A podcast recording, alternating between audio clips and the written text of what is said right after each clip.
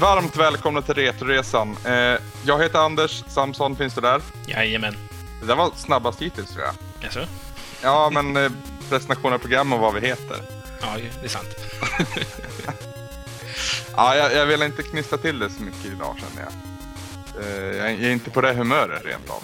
Jaså? Ja, men jag ska ju iväg snart, så det, då har vi lite skynda på-känslan då, tror jag. jag. Jag är lite grinig och du är lite stressad, så det blir, det blir bra.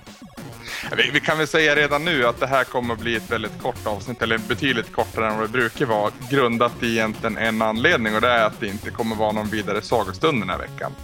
Jag har inte haft tid och inte haft möjlighet att riktigt sätta mig ner med det, så att vi kommer prata lite allmänt om det, men det kommer bli i det kortaste laget. Tyvärr. Men eh, ja, vi ska ju prata om ett annat spel också, Rocket Knight Adventures heter det, och det till Mega Drive. Men innan dess så ber jag dig påssäcken Samson. Jajamän. Först ut är Nidde i Gbg som på vår hemsida säger eh, först och främst, eh, självklart Anders, jag har inte fått för mig att ni får betalt för detta. Nej, nej det var som jag misstänkte då. Ja.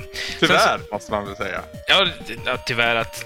Alltså, om han tror det eller inte är ju helt ointressant, men tyvärr Ja. får vi inte något betalt. Nej. Jag hade ju varit på bättre humör om vi fick det. Förstås. Eh, sen tar han också upp, eh, vi nämnde ju att vi har ett fan i Kina och då säger Nidde då, kinesen tror jag är Belayal och eh, han kan i så fall meddela att han är, Beja- Belayal är tillbaka på den vettiga sidan om Kinas brandvägg.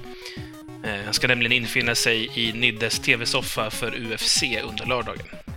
Eh, Belayal har mejlat in till oss ett flertal gånger och eh, jag- skulle bara vilja visa upp, eller visa upp, berätta om hans senaste mejl. För då skriver han Hej igen! Med tanke på era pizzabetyg så måste jag dela med mig av ett av mina pizzaerfarenheter i Kina. Ni har ju i alla tider skämtat om turtlespizzor. Och sen så bifogar han en bild och säger han Ta och kolla in höger sida av den här menyn. Och eh, jag tänkte, jag läser högt Anders här. Mm. Då finns det en pizza som heter California. På den så är det en lätt mozzarella, blandade frukter och italiensk cola. Va? Mhm. Sen har de en där det är eh, blandade glassorter toppat med nötter. På en har pizza? på en pizza, ja. Eh, här har vi en pizza som heter Doppio di Chocolat som innehåller en lätt mozzarella, mörk och vit belgisk choklad. Och sen, Eller eh, den pizza som alltså, det är pizzadeg och sen är det tomatsås på också, eller är det bara degen och sen massa sött skit? jag, tror in, eh, jag tror att det är degen, mozzarella och sött skit. Jag, verkar, jag tror inte de har tomaten på. Det blir ju jävligt, det är ju fel ändå va? Men det blir ju mindre fel om, om de inte har någon tomat. Ja. Nej, men du vet, det senaste heta, det är ju dessertpizza alltså. Eh, Belayal bifogar också två fot- eller fotografi på dels en helt vanlig Hawaii han köpte och sen också en sån här chokladpizza på samma ställe. Och vad jag kan se så är det alltså pizzadeg med det här eh, chokladtoppingen på. Ja, herregud. Jajamän. så att eh, pizza, Turtles-pizzor, de finns. Det är bara att välja. Ja, då fick vi helt plötsligt bredare referensmaterial också. Oh, ja. jag, tror jag, jag tror jag faktiskt ska göra som så att jag tar och eh, lägger upp de här bilderna länkade till inlägget så att man kan titta själv och se så att det, det är verkligen ingen lurendrejeri. Jag läser högt ur en meny här. Ja, gör det. Det ska vi ordna med.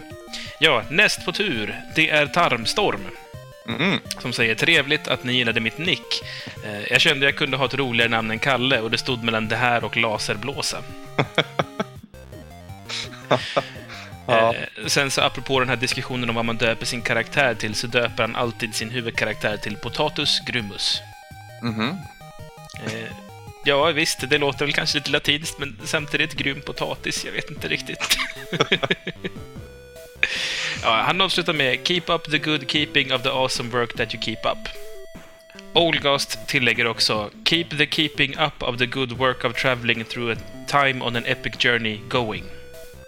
Det är inte lätt att hänga med i tempus på de här, men Nej, jag gör jag- mitt bästa. Jag klev ju av det där förra veckan. Så ja, lycka till Samson. Mm, jag tänker ta allihopa. Eh, Då ska vi se här. Peter säger Samson, du nämnde en pizzeria i förra avsnittet som skulle finnas i Göteborg. Vad heter pizzerian? Var låg den? Var det gott där? Keep up the pinball and carry the goal. Carry it to the goal. Eh, pizzerian vet jag inte vad den heter, men Nidde i Gbg vet. Så att vi, vi eh, sträcker ut en arm. Nidde i Gbg, vad hette pizzerian vi käkade på i Göteborg? Eh, den låg i Göteborg, mer än så vet jag inte. jag hittade inte ett skit där. Det var gott. Eh, jag valde en märklig pizza, eh, men, men jag, jag kände på den övriga, så att säga, allmänna pizzaupplevelsen att det var bra pizza. Jag hade bara experimenterat och tagit en väldigt märklig sort som min var sådär. Jag vill ju veta vad det var för pizza i så fall. Det var, det var potatis på den. Oj!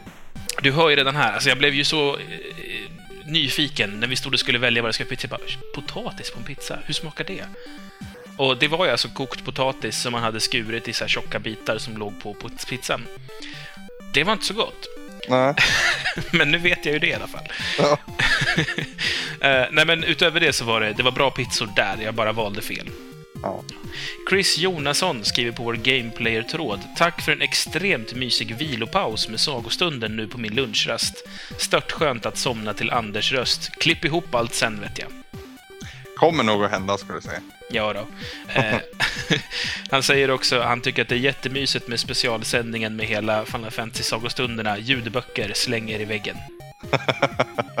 ja, det blir ju ungefär samma längd i alla fall. Ja, minst sagt. Sen har vi en ny lyssnare som heter Abe Edward. Mhm. Han säger som så. Jag har precis börjat lyssna på er och er resa genom alla ga- härliga gamla spel. Eh, Jag har bara lyssnat på ett antal avsnitt, men kommer mer än gärna backtracka allihopa. Måste även nämna att sagostunden är otroligt mysig. Det är roligt att höra Anders prata om sin första genomspelning, speciellt när man spelat det själv och minns tillbaka på alla härliga minnen när man satt i soffan och bara myste med FF7. Mm. Så keep up the huge awesome working job. Sen är Nidde tillbaka eh, och han säger kom på ett, att vi spelade ett till spel eh, i Carbon Triangle. Jag nämnde ju att jag hittade på mitt eget lilla spel för att göra det roligare. Mm, mm. Eh, Nidde då och hans polare gjorde något liknande. Han började med att släppa alla utom en, alltså av de här människorna som är kvar. Och sen så lät man då fienderna plocka den här sista så att den drogs ut utanför. Mm. Och då tar man honom så att man hakar den på sig på sin båt och sen spenderar man resten av tiden med att bara köra runt och undvika motståndarna utan att skjuta. Okej. Så det blir en katt och råtta-lek, så att säga. Blir det inte så här överväldigande med fiender efter ett tag då? Jag vet inte, jag har inte provat, men det låter kul. Så jag ska nog, eh, ska nog ta mig en liten funderare och testa det, tror jag. Nej, jag plockar aldrig upp det där spelet igen kan jag säga. Gud, du är så himla negativ. Ja, men bränd margarita. Med pizzasallad. Ja, men vad fan, när hungern tryter. Då käkar man hellre filmjölk. Jag gör ju inte det, så jag gillar inte filmjölk. Ja, Bollnäs fil, jag vet det. Det är det bästa som finns där. Ja, jag är nere i Skåne. De kan ingenting om, om eh, kor här nere, alltså. Ja, hur kör man i alla fall? Eh, Pling säger det här är historien om hur jag började lyssna på Retroresan. Ja, det, det frågade vi efter förra veckan. Mm. Det blir intressant. Och då säger han så här då. Allting började här på Gameplayer för ett halvår sedan. Jag såg att det fanns ett program vid namn Savepunkt under poddradiofliken. Jag tänkte, nice, ett program där de snackar om spel, så varför inte lyssna? Jag lyssnade vidare, men en dag så var det Samson själv med någon norrlänning. Ett stort what the fuck uppstod och jag insåg snart vad detta var. Och på den vägen var det, och nu sitter jag varje fredag och lyssnar. Work the strong, work up. Ja, det var ju bra i alla fall. Ja, så enkelt var det. Ja, Eh, slutligen så ska jag ta upp ehm, några av eh, favoritfraserna som har sagts under veckan också. Mm. Keep on the strong work going good or die while trying hard. Det är från Tarpstorm. Mm. Keep on gaming the battlegrounds of epicness or have a long tale of sadness. Från Peter. Slutligen så har vi en iTunes-recension. Eh, det är från någon som kallar sig för Hektoliter, som skriver “Händig radio”.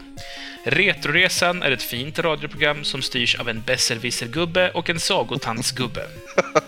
Och de pratar svenska hela tiden. Först diskuterar de Mega Man och pizza en stund. Sen spoilar de sönder ett gammalt rollspel så fullständigt att du aldrig mer behöver befatta dig med dem. Som du säkert förstår är det här ett oerhört praktiskt program för oss vilsna själar som söker ljus i mörkret genom att glo baklänges längs tidsaxeln. Rekommenderas med stark styrka. Och så har vi fått full pott. alltså det är svårt att tolka om man är liksom ironisk eller om, om det är med humor eller om man är kritisk. Liksom. Det, men det, var ju roligt skrivet i alla fall. Ja, men handen på hjärtat, Anders. Du är en sagotant, jag är en besserwisser. Ja, jo dis- så är det. Först diskuterar vi ett spel och jämför det med Mega Man hela tiden. Nio gånger av tio i alla fall. Och sen äter vi pizza. Och sen så går vi in på att spoila Final Fantasy-berättelser. Ja, spoilerfesten. Ja, det, ja, han har ju helt rätt. Alldeles riktigt. Det är liksom ur den synvinkeln. Ja. Eh, hur som helst, tack så mycket Hektoliter. Det var jättekul. Mm. Det var eh, nog hela postsäcken, i alla fall allt som jag orkar dra upp idag. Så då går vi vidare. Jamen.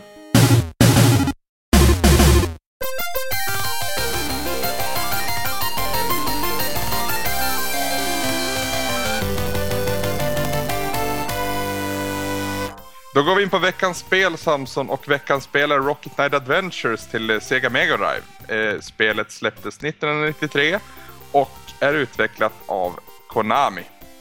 Och 1993, alltså jag kollade upp fakta på det här efter jag hade spelat det, handen på hjärtat. Eh, jag trodde att det var betydligt nyare. Eller betydligt, men ett par år nyare i alla fall. Någonstans där vid Rise Star skulle jag placera det. Ja, så man tänker ju sig att det ska vara vid eh, konsolens sista period, liksom. Mm. Ja, dels för att det ser jäkligt bra ut, både presentationsmässigt och liksom i rörelse, men, men också för att man inte har hört så mycket om det. I alla fall inte jag. Men det kanske var för att jag var bara 100% Super Nintendo på den tiden. Alltså, dels var det nog det. Dels så... Alltså, det försvann lite liksom i... Just 93. Alltså, det hände ju så jävla mycket annat samma år i spelvärlden. Mhm. Det var en massa stora spel som kom samtidigt. Och Super Nintendo var alldeles sprillans ny och det var liksom Zelda hit och mm, allt möjligt liksom som hände där. Så det är inte så jättekonstigt att det här liksom bara förs- försvann. Det, det var ett typexempel på ett spel som är jävligt bra spel som släpps när några superbra spel samsläpps samtidigt. Mm. Det liksom ligger där i mitten och, och tyvärr får man inte den uppmärksamheten som man behöver då. Ja, det är ju synd måste jag säga. Eh, I spelet i alla fall så kontrollerar man då Kungråttan är det väl? Han är väl en pungråtta? Ja, det är precis vad det är. Ja. Sparkster heter han och han är ju så pass awesome att han har både ett jetpack och ett eh, riktigt riddarsvärd. Och med dess hjälp så försöker han rädda världen från antagonisten och före detta Rocket Knight-medlemmen Axel Gear.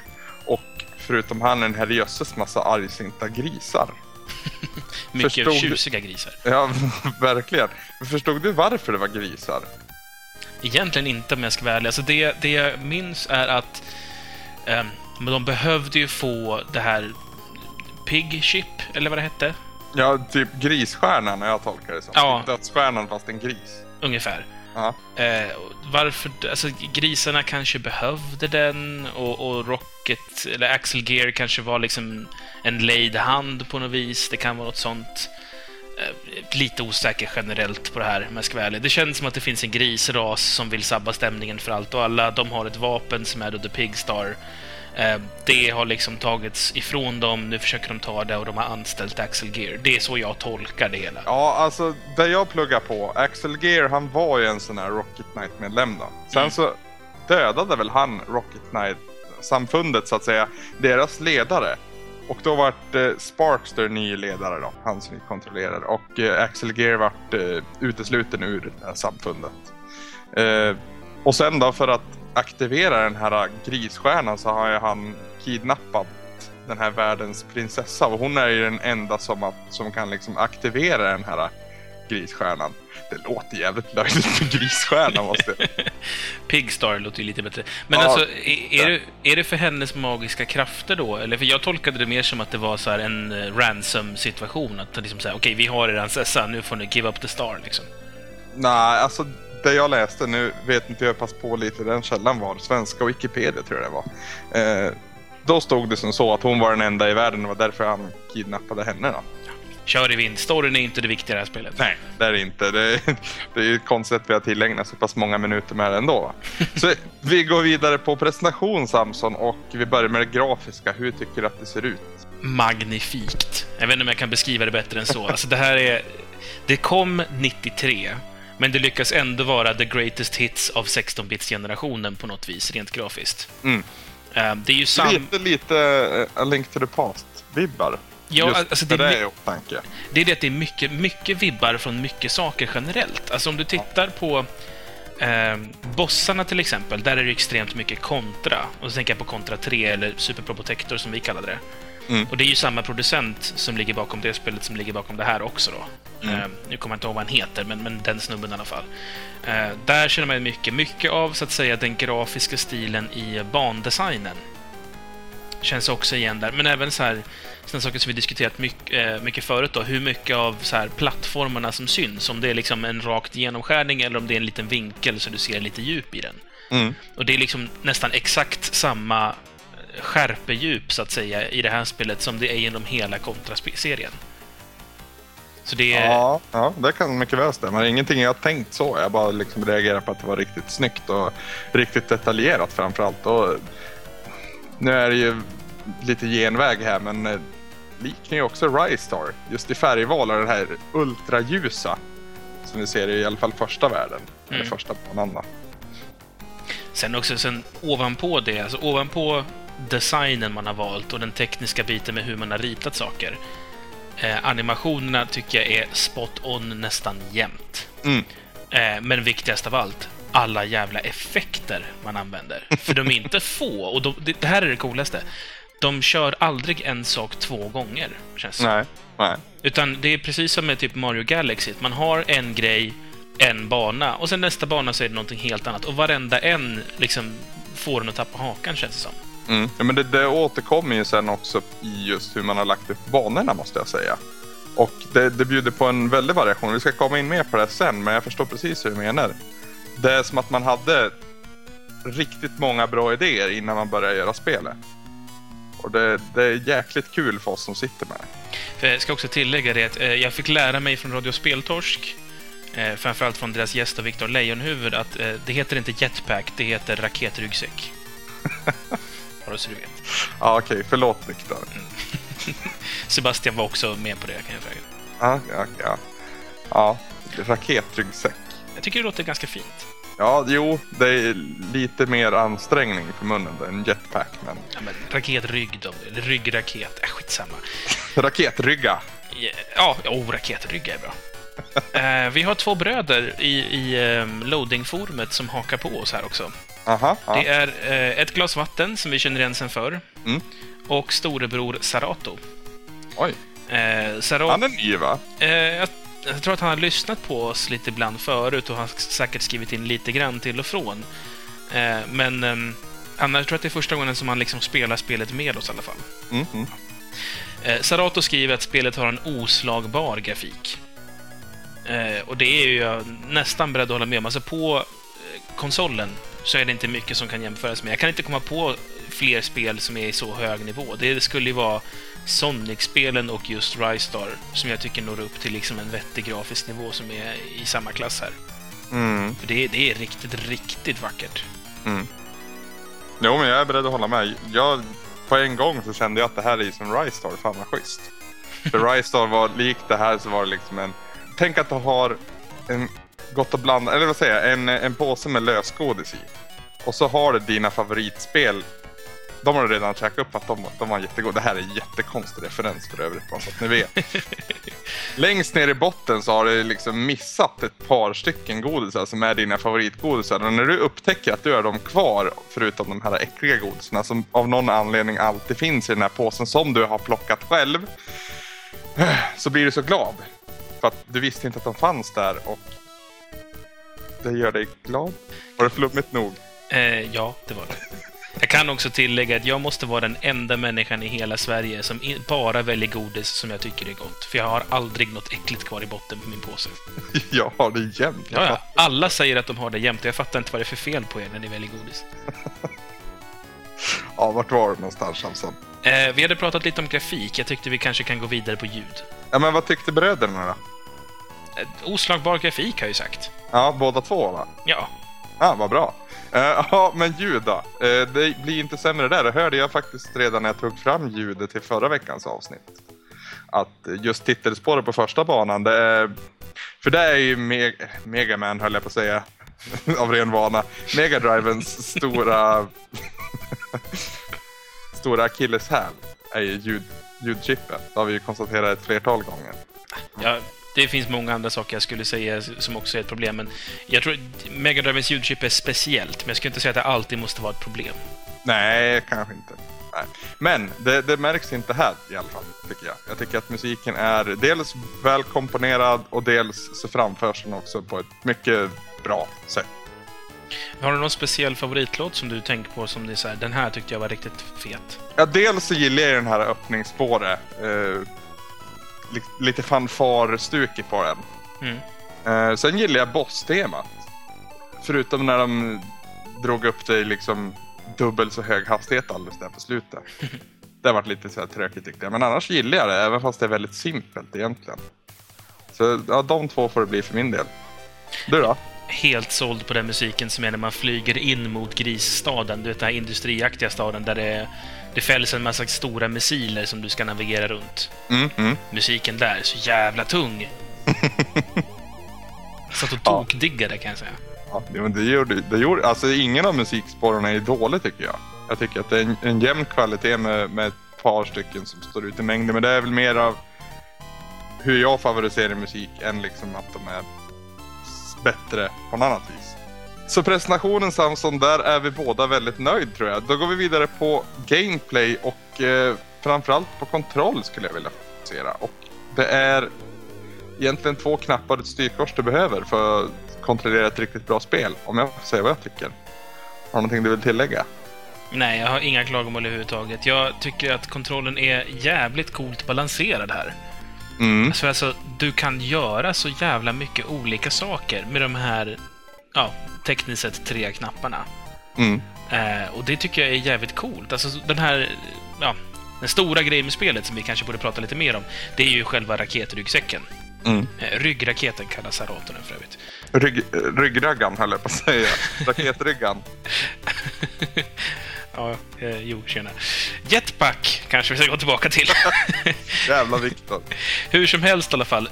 En, en väldigt stor del av poängen med spelet är att alltså, du kan, eh, genom att hålla in, eh, är det A eller C-knappen va? Ja, pass. Någon av dem. Längst till vänster och längst till höger. På, Ja.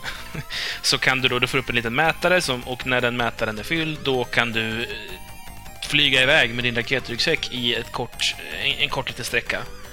Eh, och du flyger åt vilket som helst av åtta olika håll, då, upp, ner, höger, vänster och sen de här 45 graders varianterna däremellan. Mm. Eh, du kan också, om du väljer att inte trycka på en rytmisk-knapp, göra en liten snurrattack. Eh, vilket är ganska läckert. Eh, framförallt när man använder kombinationer av dem, att man flyger en kort sträcka för att sen byta till snurrattacken. Sjukt effektivt när man ska döda någon riktigt svår fiende. Mm. Eh, och den här, alltså väldigt, väldigt simpla... eh, Det får ju bli lite som spelets gimmick liksom. Det är det här som är det som är ovanligt med Sparkster jämfört med mycket annat, förutom att det är välgjort. Mm. Eh, Jag tycker att det här funkar extremt jävla bra och det finns en riktigt skön upptäckarlystnad i, i den här eh, ryggsäcken. För att massor med saker som du är van vid inte funkar i tv-spel funkar här. För du kan ju faktiskt när som helst starta din raketryggsäck. Och det gör så jävla, jävla mycket. Alltså att man är typ, man hoppar runt i trädtoppar och så ser man en topp som man absolut aldrig kan klara, eller en liten power-up som är en bit utanför trädet. Och så tänker du, ah, okej, men jag måste ta mig högre upp för att nå den där. Nej, det behöver du inte. Hoppa rakt ut mot den när du liksom har slut på fart, aktivera raketryggsäcken, pong, du har tagit power-upen. Det... Jag gillar det som fan, för att det bryter mot gamla normer. Man behöver inte längre tänka som man tänkte förut. Och det var ganska tråkigt att byta till ett annat plattformsspel från samma period senare, för då försökte jag aktivera en ryggsäck som inte fanns längre. Ja, alltså den här raketgrejen, visste ju att det skulle vara med i det här spelet. Det har man ju liksom sett och, och hört om. Och liksom. Det var ju spelets stora nisch. Uh, jag trodde ju dock att... Eller under spelets första minuter så trodde inte jag att jag hade den här funktionen än. För jag tyckte att det kändes så pass naturligt att den skulle finnas på hoppknappen, då, B i det här fallet. Eh, och det fanns den inte. Det var ju inte förrän jag höll inne min attackknapp eh, halvvägs in på första banan som jag upptäckte att aha, den finns ju där. Och att den finns på just attackknappen. Eh, det gör ju att det blir lite, eller hemskt liten men ändå lite viktig på något vis balansfråga där för att du kan ju inte attackera och ladda upp din, din raketrygga samtidigt va. Utan eh, du måste ju ha, jag vet inte hur många sekunder det är, om det ens är två sekunder på dig att ladda upp den här raketen innan du kan använda den. Så ja, jag gillar det skarpt faktiskt. Och det, om, om ett spel ska ha en nisch så får det gärna framföras så här bra. Mm. Så alltså, någonting som jag tycker också är väldigt kul med det är att det är så himla föränderligt det här spelet. Vi nämnde till exempel att de här grafiska effekterna kommer bara en gång var. Eh, och det är lite samma grej också med spelet i sig. Alltså plattformandet återkommer hela tiden. Mm. Eh, men annars är det så väldigt mycket annat som förändrar sig. Det finns liksom ett tillfälle när du eh, åker på, vad ska man säga att det är? Typ som en tågräls och så står du på en plattform och så får du typ ducka under saker och slåss mot fiender. Precis. Och det kommer liksom bara vid ett tillfälle. Det finns ett, ett sidskrollande shooter-läge som i och för sig återkommer vid två tillfällen, tror jag. Mm. Eh, Men det är så pass olika de två gångerna så det känns ändå helt okej. Och det är liksom... Och framförallt känns det ju helt jättenaturligt med tanke på att han har ju en den där raketryggan. Ja, precis. Men det, det är så många olika spelmoment som ändå allihopa funkar så pass bra. Som det finns någon bana där man är jagad av några som typ ser ut lite som vikingar. Mm, mm. Eh, och då springer du liksom, det är så här en självskrollande bild, och du springer liksom ner för en labyrint och du ska ta dig så snabbt som möjligt. Och de jagar på andra sidan. Och sen så möts de upp, eller möts ni upp då, och du blir jagad av dem. Och då är det liksom helt plötsligt en jaktbana, inte bara plattform, utan då måste du skynda dig fram. Mm. Och sen vid något annat tillfälle, då kan du vara i en bana där det bubblar upp en massa lava, för övrigt en skitsnygg eh, grafisk detalj. Mm. Eh, och och du, eh, du får inte stå så att säga för långt ner, för då hamnar du i lavan. Lite som bana 3.8 i Super Mario Bros 3, där det här vattnet går så himla högt i, i ebb och flod. Mm. Förutom att istället för att det är en farlig fisk som kan ta dig i vattnet, så är det här vattnet... Lavan är direkt dödlig. Det är instant death, liksom. Precis. Jättecool detalj för att man är tvungen att titta på sin spegelbild i lavan för att kunna eh, klara hoppen. ja, Det var faktiskt. riktigt, riktigt, riktigt läckert, måste jag säga. För, det är liksom plattformen du ska hoppa till, den är döljd av ett eh, objekt i förgrunden. Så det, där du, sättet du kan se plattformen du ska hoppa till, det är via reflektionen i, i, i vattnet eller lavan. Då. Så det är ja, jävligt ballt. En annan sak jag gillar nu är det bara, det finns jättemycket detaljer, men den som var nästan allra roligast, det var ju eh, det, fighten med Axel här. Eh, Den pågår ju flera, flera gånger. Vid ett tillfälle så hamnar ju han i någon typ av mech-robot Ja, just det. Mm. och börjar jaga dig. Så fas ett då, det är att du flyr från han. Och helst med raketen, eller raketryggsäckens eh, hjälp. Och sen i fas två, då, då får ju du också tag på en sån här mech. Så då vänder du på steken lite, så det blir det liksom lite av en boxningsfight nästan mellan de här två mech-robotarna. Så det är liksom, man hinner aldrig tröttna på det här spelet. Jag, jag, jag tog det nästan, ja, jag tog det på en sittning när jag väl tog det. Det var en gång jag liksom bara kände på det och, och satt med det. Men när, när jag väl klarade så var det i en sittning och det var inte nå plågsamt alls. Nej, alltså det här är ju verkligen som en riktig tårtgalopp. Ja, Det är verkligen, man har radat upp ett jättelångt bord med massa olika sorters goda tårtor. Och sen så liksom, du får ta en tugga på varje tårta och sen springa vidare. När du har sprungit hela längan, då har du fått i dig en hel tårtbit totalt. Och varenda tugga var liksom sin smak. mm. Det går, jag tror inte jag kan säga det mycket tydligare än så, för det är verkligen så det känns. För det går fort också. det gör ju det. Man hinner ju aldrig känna att man har tröttnat, tycker jag. Okej, det fanns moment där jag liksom så dog och så fick jag göra det en gång till och så dog jag, fick göra det en gång till och så var jag så här, åh, kan inte bara få komma vidare? Men det gick ändå hyfsat snabbt. Och det var många moment som jag tyckte var så jävla roliga att jag nästan jag ville hoppa tillbaka och göra det lite till. Vad spelar du på för svårighetsgrad Samson? Eh, jag inledde på normal. Finns det normal? Ja, men... mm, Ja, det gör det väl? Eller? E- easy och hard. Okej, men då var det easy jag inledde på. Ja, för det finns easy, hard och sen låser upp very hard. Jo, just det. Det har jag hört om. Eh, Men jag, jag började i så fall på Easy, eller ja, sa fel. Mm. Eh, Men sen så läste jag online att man typ inte får riktiga slutet om man gör det, så då började jag om och körde på Hard. Mm, mm. Eh, Det var svårare, ska jag väl direkt säga. Jag vet inte om det faktiskt är så att det någonting nytt hände som inte skulle ha hänt annars, för jag spelade aldrig klart på Easy som sagt. Jag vet. Mhm. Eh, du, när du föll från skeppet på slutet där, Mm. eller från grisstjärnan. eh, ja, från det där rymdskeppet. Mm. Eh, den biten när det, när det blir rött och det där, du försöker undvika det här dryga monstret som dyker upp. Det finns inte med på Easy. Det var i och för sig inte den roligaste biten av spelet heller. så Det känns väldigt, väldigt onödigt. Men där, däremot så får du se en helt annan slutskärm också på, på Easy. Mhm. Det står, det är lite som ja, Turtles in Time eller vad som helst. Att eh, try the hard mode. Och sen tror jag det även står när du har klarat det på, på hard att try the very hard Mm. Jo, men det gör det. Ja. Men det, det, det är flera partier av slutsekvensen så att säga som är bortplockade på easy, easy-läget. Det, det är så, som du säger också, förutom det så, så är det inte så stor skillnad. Du har något liv mindre och du har någon continue mindre, men... Eh, Alltså det, jag, det jag märkte var den största skillnaden, det var ju att fienderna tog olika många hjärtan. Alltså när de slog dig. ja, precis. Och det, det tar något slag till att få ner dem än vad det gör på easy kanske. En- Det var, det var precis som dig så liksom började jag kolla i det där snart. Som sagt så satt jag med det en kväll och bara kände på det och liksom tyckte fan vad coolt. Och sen så avsatte jag en kväll för att riktigt ta spelet då. Mm. Och då tog jag det på hard också. Det, det kändes inte så hard. Alltså det fanns vissa partier med framförallt så här uh, instant death ögonblick. Mm, ja, men det är ju främst instant death och grejer där det är mycket saker på rad. Mm. är väl det som känns som att det kan bli svårt. Jag minns till exempel ehm, eh, ganska långt in i spelet så, så ehm, möter man eh, man är typ som en korridorliknande område där det, liksom, det är små saker man kan hoppa upp och så. Så är det typ som statyer i bakgrunden och som kommer till liv. Alltså så robotliknande fula gubbar typ. Mm. Mm. Eh, de tog ett tag att ha ihjäl och det var ganska många på rad.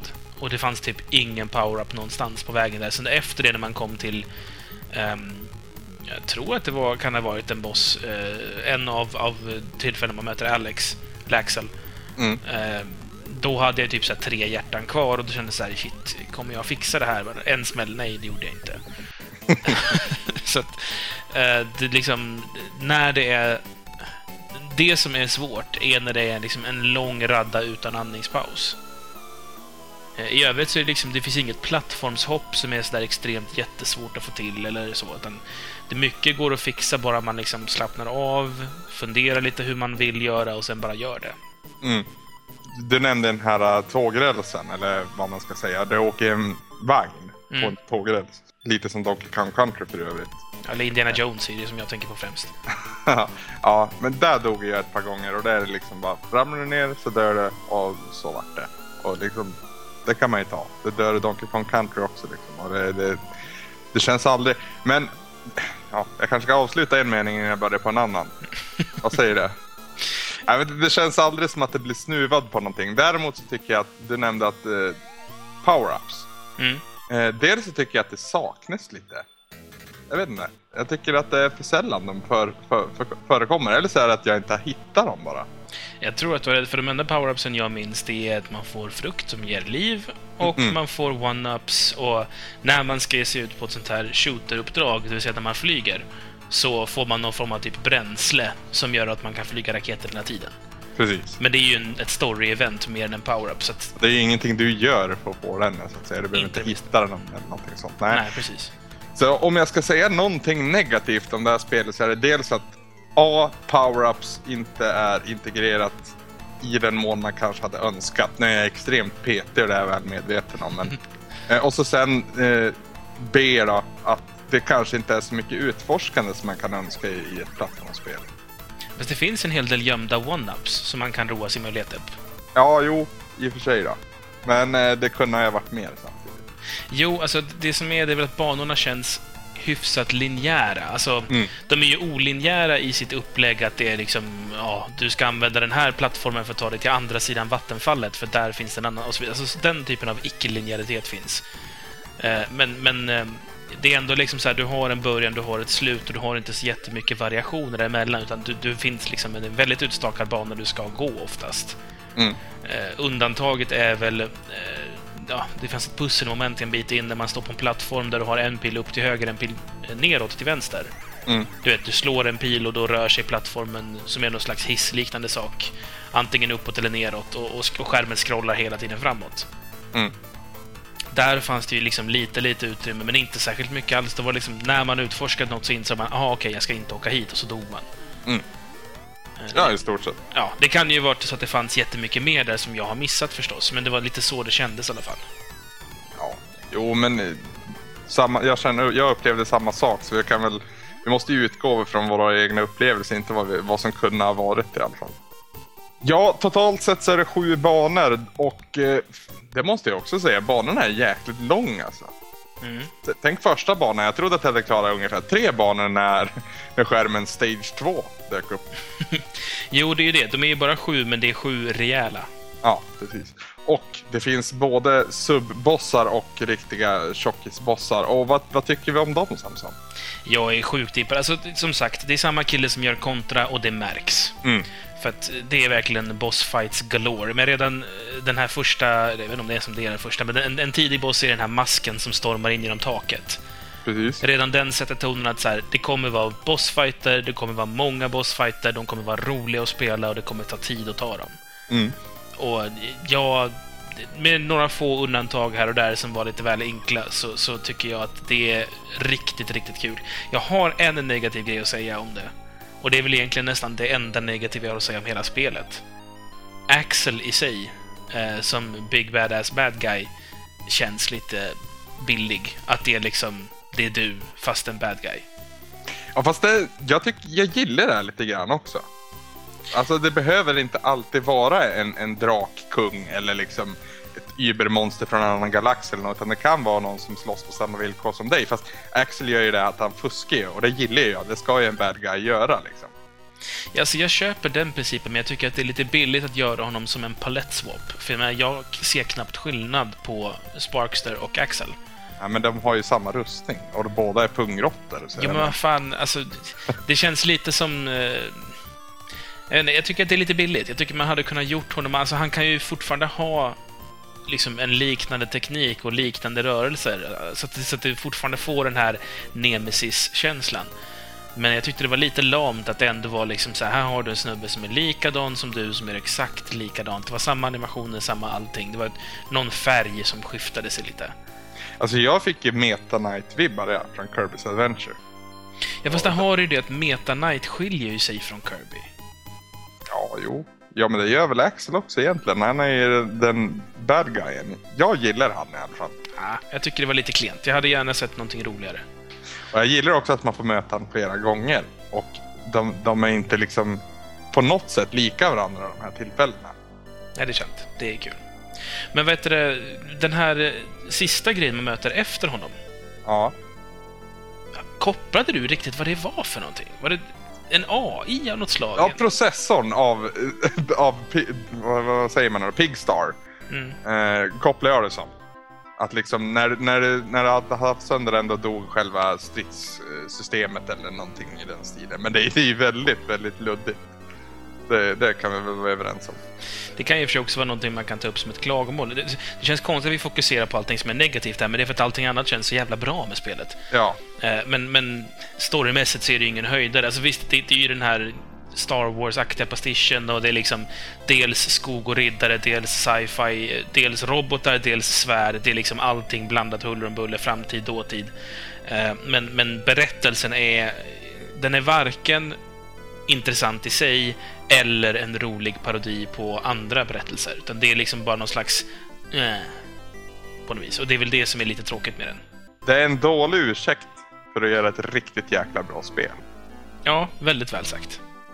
Fan vad nöjd jag vart med det där. Det ska det vara. ja, eh, Sarato är eh, stort för det här spelet. Det är ett av hans absoluta favoritspel. Mm. Eh, han, Det kan jag faktiskt tänka mig. För att Ja. ställa mig lite i hans hörn. För om man hade spelat det här när man var väldigt liten också, då hade man ju tyckt att det var liksom det bästa man någonsin spelat. Nu har man ju liksom ändå gått igenom högvis med spel liksom före det här.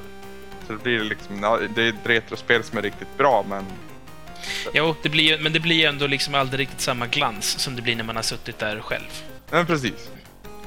Eh, Sarato i alla fall pratar om att eh, man aldrig har tråkigt, man klättrar i trädtoppar, man simmar, man flyger, man hugger sig fram.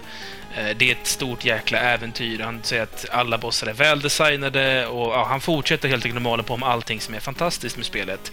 Eh, för att avrunda med, nu lär det här låta som en enda lång textorgasm över det här spelet, men det förtjänar all ära som det missade när det kom. Med, med en perfekt svårighetsgrad, vacker grafik och musik för den mest kräsne kan man inte säga annat än att Rocket Knight Adventures är det perfekta spelet.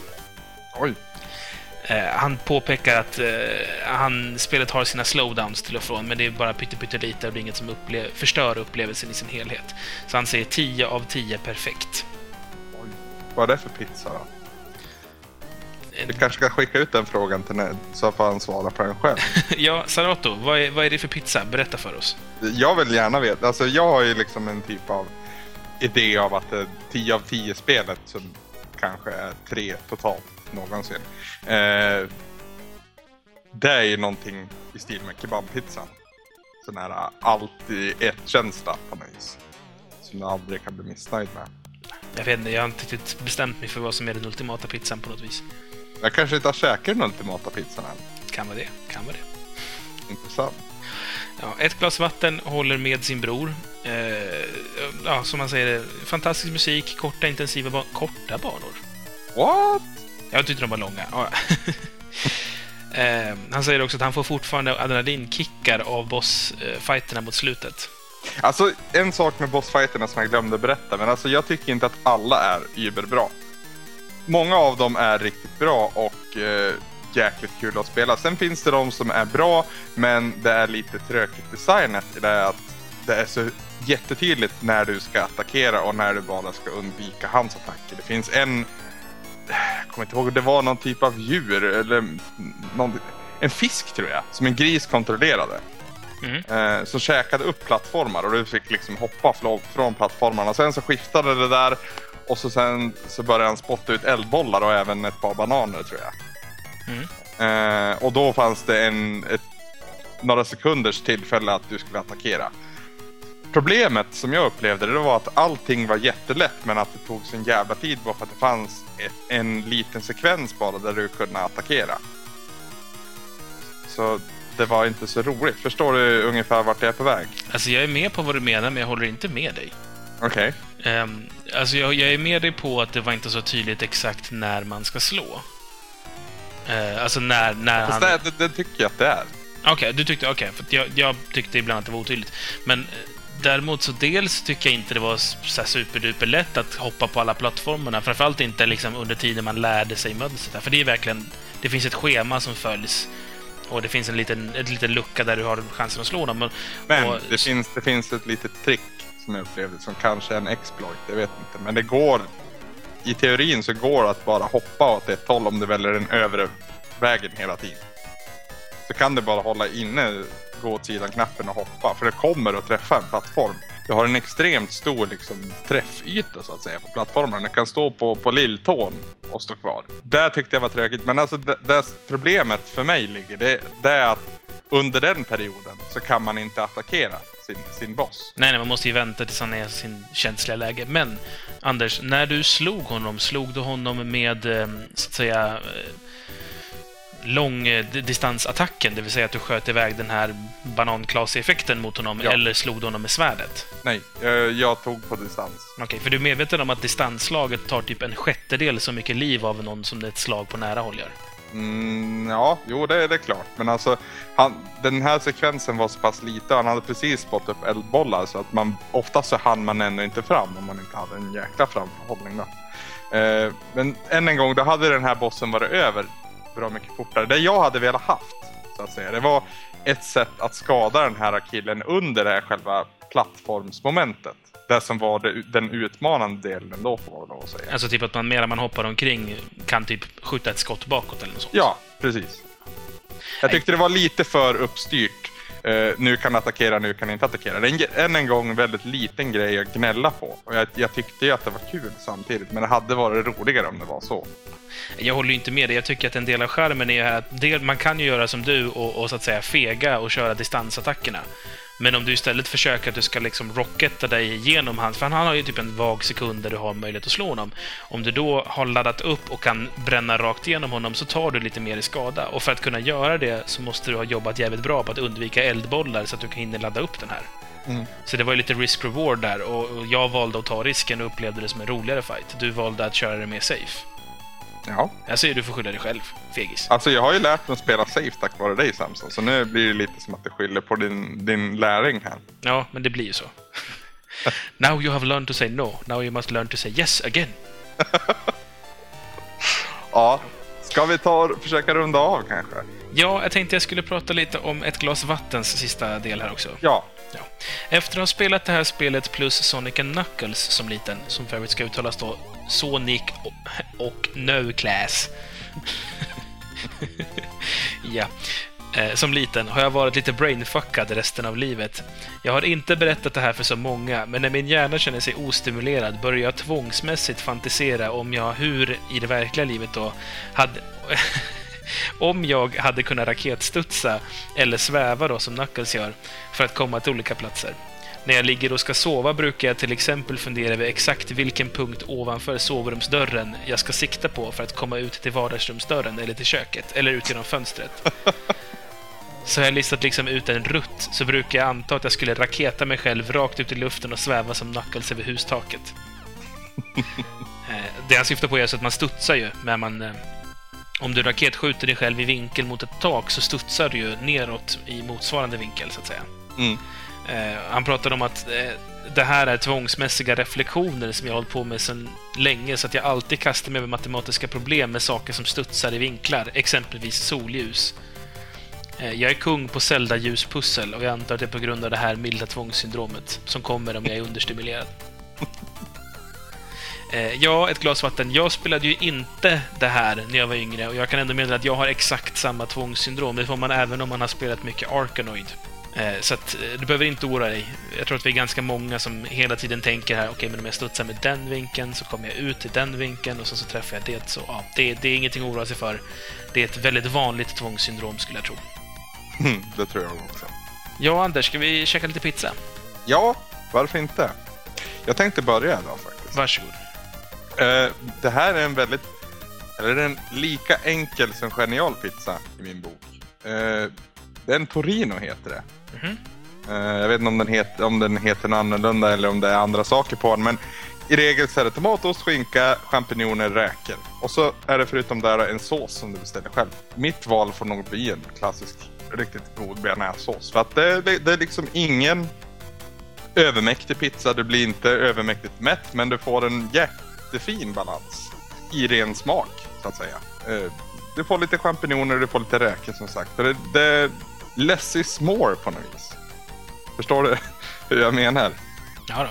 Visst, det finns ingen oxfilé och det finns inget kebabkött, men det, det behöver kanske inte det jämt heller. Utan du, du får liksom allt du vill ha på den här lilla pizzan.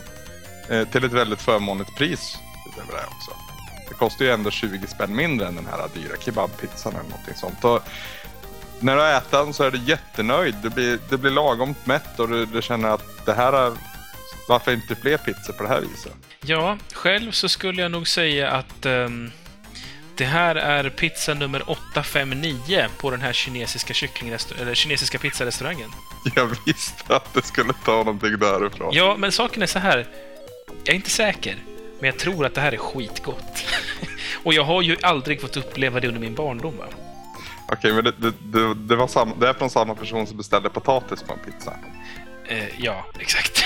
Man måste prova. Ja, Hur jo. som helst, det som är på den här, den heter Strawberry and White Chocolate. Det är alltså en lätt mozzarella, bara där. Det är ju jättegott med mozzarella. Det är en given del av nästan alla pizzor att man har en ordentlig bra ost, en gedigen ost som verkligen förmedlar att nu jävlar äts det pizza. Och mozzarella är kungen av pizzaostar. Mm. Så den finns ju med såklart på den här pizzan. Sen kommer det magiska. Vi kör ju förstås lite jordgubbar och vit belgisk choklad. Jag har aldrig ätit en pizza tidigare med jordgubbar och vit belgisk choklad och jag har ärligt talat inte ätit den själv heller. Jag bara fantiserar om hur det här borde smaka. Mm. Jag vet redan sedan innan att vit choklad och jordgubbar är en bra kombo. Eh, Väldigt bra kombo. Ja, ja, alla som har käkat typ Magnum Strawberry White vet att det här funkar bra ihop dessutom. Mm. Och det jag tycker är kul med det är att det inte bara att det är vit choklad som vi kan, utan det här är liksom exklusiv och fin belgisk choklad. Det är inte någon jävla, du vet, blockchoklad vit som du köper inne på Ica, utan här är det någon slags fin fräs igen.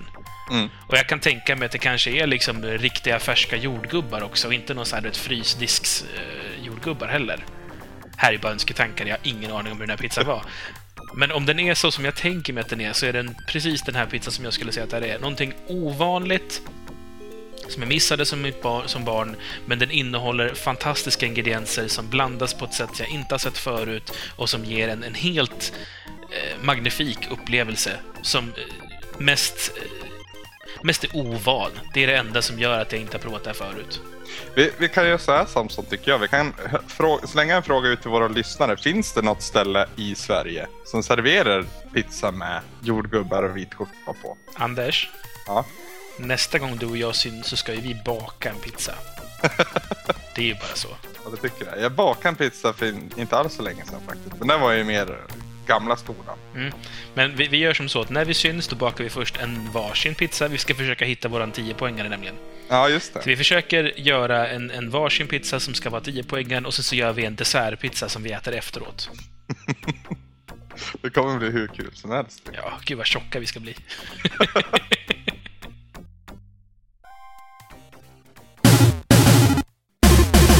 Ja, men du Anders, efter den här mysiga stunden tycker jag vi tar och lyssnar på lite musik, eller vad säger du? Mm, förhoppningsvis mysig musik då. Ja, precis. Sen när man har fått i sig en massa mystiska pizzor så är det dags att ta det lite lugnt, skimra med ögonen och tända lite ljus. Och vad passar då bättre än Rebecca Mays? Det är en eh, brittisk kvinna, om jag inte är helt ute och cyklar, som gör musik av tv-spelsupplevelser. Eh, Hon brukar i vanliga fall göra dem åt till exempel The Escapist, ni vet där, där Yatzy hänger. Mm. Eh, Den här heter Death and the Spaceship och den handlar om Mass Effect 2. En väldigt, väldigt fin och lite, nästan lite vemodig eh, liten sak. Den kommer här.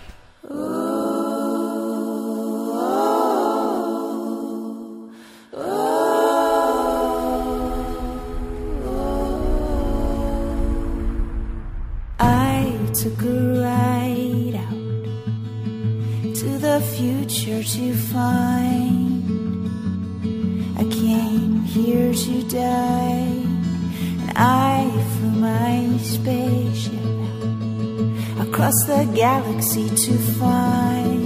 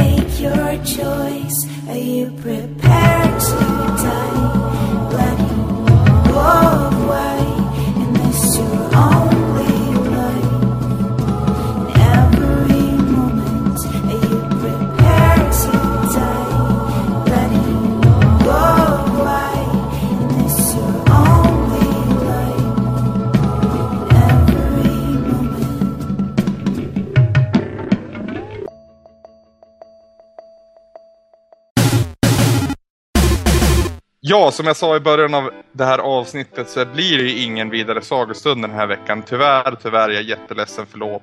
Döda mig inte. Jo. Nej, alltså. Som sagt, tidsbrist, massa annat skit som man har sysslat med vare sig man har velat eller inte. Och eh, utöver det lite så här frågande vad ska jag syssla med? För som vi, vi var lite inne på det här spåret i slutet av förra sagostunden att nu är det dags att göra lite sidequests. Och under de timmarna jag spenderar med det här spelet så har inte jag gjort så mycket. Jag har mest letat efter sidequests. Så jag har tänkt börja farma chocobos så att säga. Men jag har liksom aldrig tagit, mig, tagit tur med det. Det jag har gjort istället det är att dels har jag stött på den här indiantjejen. Jaffe eller vad hon heter. Mm. Par gånger till och hon har fortfarande lyckats rymt ifrån mig. Men snart så har jag, har jag gjort alla misstag man kan göra. Så att, ja, då går det inte mer. Eh, sen har jag även besökt The Gold Saucer och eh, gått in i Battle-arenan där. Mm, hur har det gått där för dig? Eh, det har varit tufft. Det, jag, har, jag har tagit mig igenom en gång tror jag, eller om det var två.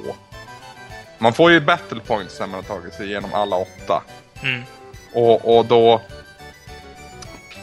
Jag tror jag har någonstans runt 8000 battle points.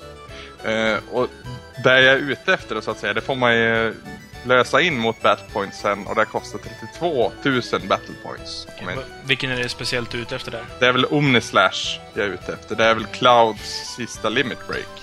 Ja, den är fin kan jag säga. Riktigt härlig. Ja.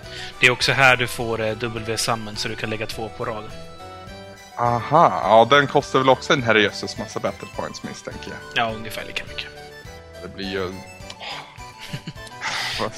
Men det kommer gå fortare att slåss. Ju, ju bättre utrustning du har, desto snabbare går själva fighterna när du väl är inne. ja, jag har ju tagit mig igenom det en eller två gånger men jag har säkert ställt upp 10-15 gånger. Mm. Och på råpisk för att Ja, nu vill ju jag skylla på att jag får dåliga slots då, för saken är den att inför varje fight så, så kommer en sånt där snurrhjul, vad heter det? Enarmad bandit. Ja, i den stilen. Och ta bort vissa förmågor för dig. Du kanske blir långsam eller så kanske du får hälften så mycket eh, hälsa som du normalt sett har. Eller så gills inte dina ribbons något mer. Sådana saker liksom. Och, och jag tycker jag har fått skit elaka för det mesta. Och, och det är ju väldigt enkelt att gnälla på det. Ja, men ibland kommer det lite skit. Så saken är ju som så att du måste stanna här och nöta så jävla länge och så jävla många gånger. Så alla gånger du får dåliga kommer ändå i slutändan gå ut jämnt med alla gånger då du får typ no effekt. Ja. Så det, det är bara att ösa på och fortsätta. Det är vissa gånger jag fått så här, eh, bli, bli liten eller bli, bli frog. Mm. Men då har jag en ribbon som skyddar mot det och det är jätteskönt. Det, det som är mindre skönt är när det liksom, när de tar bort ribbon först och sen kommer de där. Jag har ju i och för sig items då, men oftast så har ju bossarna redan ägt sönder mig. Eller bossarna, men fienderna då. Innan, innan jag liksom har hunnit återhämta mig. Så dels måste jag ta en item för att bli normal igen och sen måste jag ta en item för att eh, få tillbaka hälsa eller MP eller vad jag nu behöver. Du behöver hitta fler grejer, för det finns saker som hjälper mot sådana här saker också. Som till exempel Ja, känner du igen... Vi se, är det Elixir, tror jag? Som Mm. ger dig full hälsa, full MP och tar bort alla statusvarianter också. Mm, jag har några stycken men de håller jag hårt Ja. nära hjärtat. Men det kanske är här jag ska använda dem då. Ja, eller så kollar du och ser var du kan hitta fler elixir. För jag menar, det finns ju ställen där de är till salu. Det finns kanske fiender man kan morfa till elixir. Eh, det är liksom mycket sånt. Allting finns ju. Det handlar bara om att hitta det. Sen, om vi går ifrån Gold Saucer.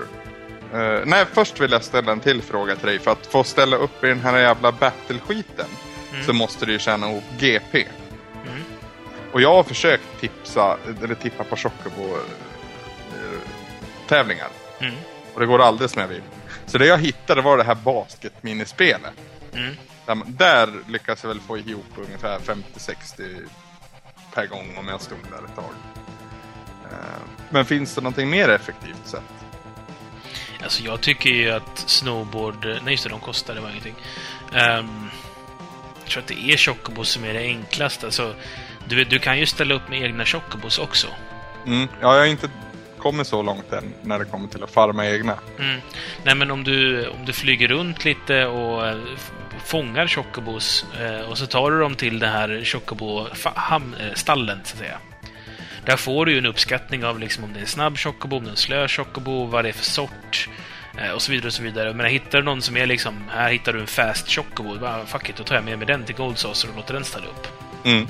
Sen blir de ju också, eh, av att springa så blir de ju bättre form. Så de kan bli bättre liksom, för att du låter din Chocobo tävla mycket. Okej, men uh, spelar det någon roll vad man ger dem för mat och så också förstås? Mm, det gör det också, ja. Vad du, eh, vad du matar dem och om du ska para dem, vad de får för nöt. För när de parar sig så vill de äta av någon anledning. Det går väl ut jättemycket energi misstänker jag. eh, och vad Eller så är de som, som George i Seinfeld. Ja, eller som jag för den delen. Eh, Så att det, det, eh, ja, det, det påverkar också. ja. Alltså Det är, just det här med Chocobos, det är en hel jävla djungel och där tycker jag att det är helt okej att faktiskt kolla lite på guider för att se vad fan det är som gäller. För menar, det här är ju inte viktigt överhuvudtaget för storyn, utan det är bara mini... Alltså det är icke-story sidequests. Det är liksom bara för att kunna få ett item och som inte ens får någon berättelse, utan bara för att det är bra att ha liksom. Mm. Så jag, jag tycker inte det är någon skam ifall du sätter dig och kollar liksom, hur fan gör jag en bra chocobo liksom. Nej. Ja, vi får se Mm. eh, hur, hur jag går tillväga. Men jag tror jag fortsätter skjuta basket så länge. Lefyrius eh, säger att det är snart dags att göra Wutai sidequesten. Har det någonting med Jaffe att göra? Det har det ja. Det är där jag misstänkt. För jag kommit till en stad som jag tror heter Vutai. Det är väl den längst ner till eh, sydväst. Kan det vara. Jag minns inte exakt var den ligger. Dit tog jag mig direkt efter jag hade fått ett Tiny Bronco till och med. Eh, I första huset där man kommer in där, då är det en liten ungjävel som säger att vi känner inte dig, snälla gå härifrån. Och då prövade jag naturligtvis med alla karaktärer jag hade under mitt förfogande då och samma resultat hela tiden. Så jag misstänker då att man behöver en ny karaktär som i mitt fall då ska vara Jaffe nu. Mm. Och att det är hon som har någon typ av anknytning till den här byn. Och så tänkte du på att den här byn kändes väldigt så här, feodala Japan i sin design? Ja, väldigt mycket. ja och Jaffe är en ninja för övrigt. Jaha, jag tolkat henne som en indian ja. Men, ja. Ja, men hon har någon fjäderaktig, men hon, hon, hon är tekniskt sett en ninja. Ehm, så att ja, tar du med dig Jaffe dit så kommer det hända grejer. Det blir en hel sidequest. Den är liksom så här, nu tar jag över din berättelse. Nu får inte du göra någonting annat först du har fixat det här. Oj. Eh, och den stängs när du väl har kommit in på CD3, så det är dags att få den gjord snart. Ja. Jo, men eh, jag läste också Lefyris kommentar här. Och liksom. Men finns det någonting annat förutom det? Eh, det finns en, en väldigt, inte särskilt gameplay-tung, men väldigt story-tung eh, sidequest kopplad till Vince. Mhm. Men för det så behöver du kunna ta dig in på ett ställe med... Jag vet inte om Tiny Bronco kanske i och för sig fixar det, men annars så kan du med hjälp av en, en vettig chocobo ta dig dit. Är det snö på marken? Eh, jag tänker inte avslöja någonting om var det här befinner sig. För jag, jag har ju sett, jag, jag har ju det här uh, Highwind-skeppet. Så jag flugit omkring över hela kartan egentligen och försökt hitta saker och hitta grottor och så. Jag hittade bland annat uh, uppe i norr en liten gräsplätt på annars snöbetäckta områden där det finns liksom, ja, han heter The Chocobo Master eller någonting sånt där, Farmer eller Mm, han kan man bara prata med för att få lite tips. Ja, jo, jag snackade lite med honom och sen fick jag en, en materia från, från Chocobon som han hade där i stallet. Eh, Men det var en sån här, det var enemy skill tror jag. Den En gul i alla fall. Ja, jag har ju redan haft den, men det är skönt att ha flera. Jag har ju kommit till den nivån nu på många av mina materier att de har börjat para sig. Ah, men då har du nått masternivå på dem. Precis. Det- Ice, framförallt Ice och, och Fire de här, men även All har jag många som helst nu. Ah, jag ska också nämna det att en, en ålmateria som är master, Mm. den kan du sälja för en dryg miljon GP. Eller förlåt, gill. Ja, jag funderar ja, för annars hade jag haft klippt och skuren där. Jag, jag gör det, alltså när, när jag spelar nu, för nu spelar jag som en robot när jag spelar det här spelet. Mm. Ehm, då gör jag ofta så att jag tar, sätter Cloud med hans svärd som ger trippel och så bara slänger in tre all på rad. Och, alltså tidigt i spelet. Och så kör jag med det konsekvent, även fast det är ett uruselt svärd. För att när jag väl har tre stycken all-materier som är master, Mm. då har jag tre miljoner spänn och då behöver jag aldrig mer tänka på pengar någonsin under spelet. Jag har liksom aldrig haft pengaproblem tycker jag hittills. Men det kanske kommer en situationsända när jag kan tänkas behöva det. Alltså jag samlar nojor som jag är så måste jag ha alla items till alla karaktärer. Ja, ja, ja. Det, det var den personen. Jag Precis. hade glömt. Så att allting är ju dyrt för mig va? Men för att återknyta till vinst då, Jag misstänker att det har någonting med Hojo att göra. Hojo är ju inblandad i Vins bakgrund, så mycket vet du. Ja, det var ju därför han ville följa med.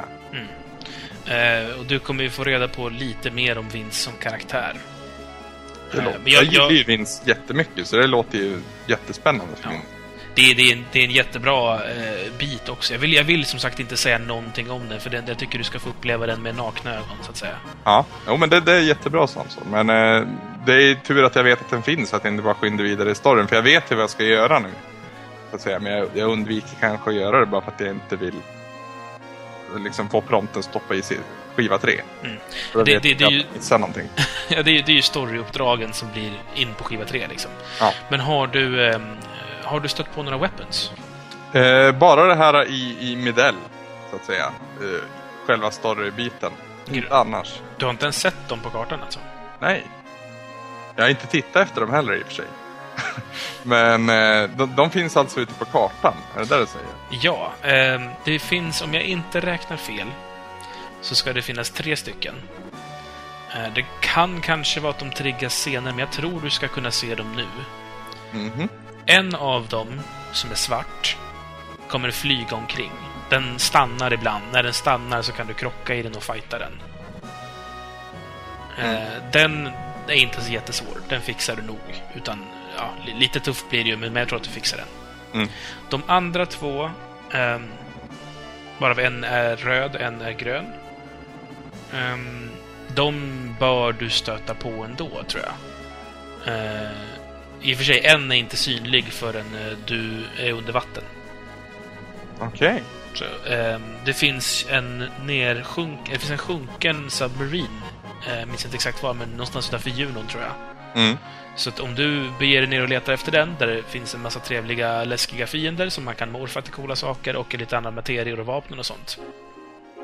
Om du skulle ta dig ner dit så kommer du säkert se åtminstone det här eh, undervattensweaponet. Mm.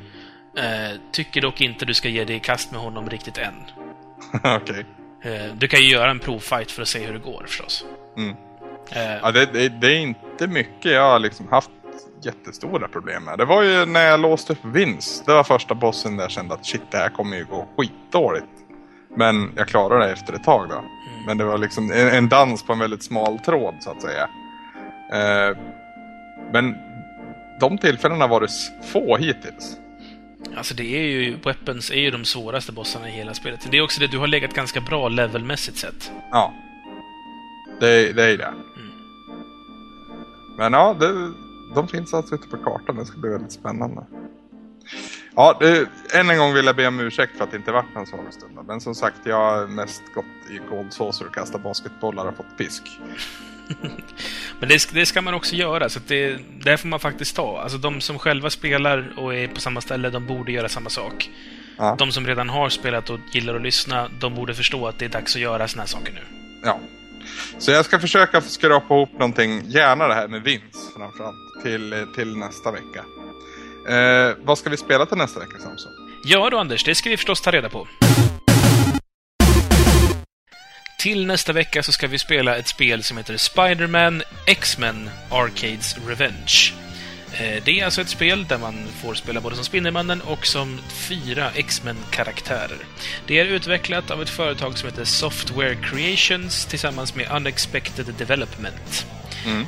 Eh, Det är utgivet av eh, Acclaims underlabel LJN som brukar leverera skit i vanliga fall. Men vi hoppas i alla fall. Mm. Spelet släpps i en myriad olika format under det tidiga 90-talet. Det är Game Gear 92, Super Nintendo 93 för oss europeer, eh, den vanliga Game Boy 93 och förstås också Mega Drive 1993 faktiskt. Senare i Nordamerika av någon anledning. Mm. Vi satsar på Super Nintendo eh, för att det är lättast att få tag på, helt enkelt. Ja, och så har vi nu spelat Mega Drive. Det är skönt med lite variation liksom. Ja. Eh, jag tycker att det ska bli kul att få spela lite klassiska superhjältar nu. Mm. Ja, det, det, det här... Jag, inte så att jag vill sätta dig på pottan eller någonting sånt, men det här är väldigt mycket ditt förslag. För att du har en, en, en, en, ett minne av det här, vad jag förstod. Ja, alltså jag hyrde det här tillsammans med en kompis som barn. Mm. Och tyckte det var riktigt, riktigt roligt.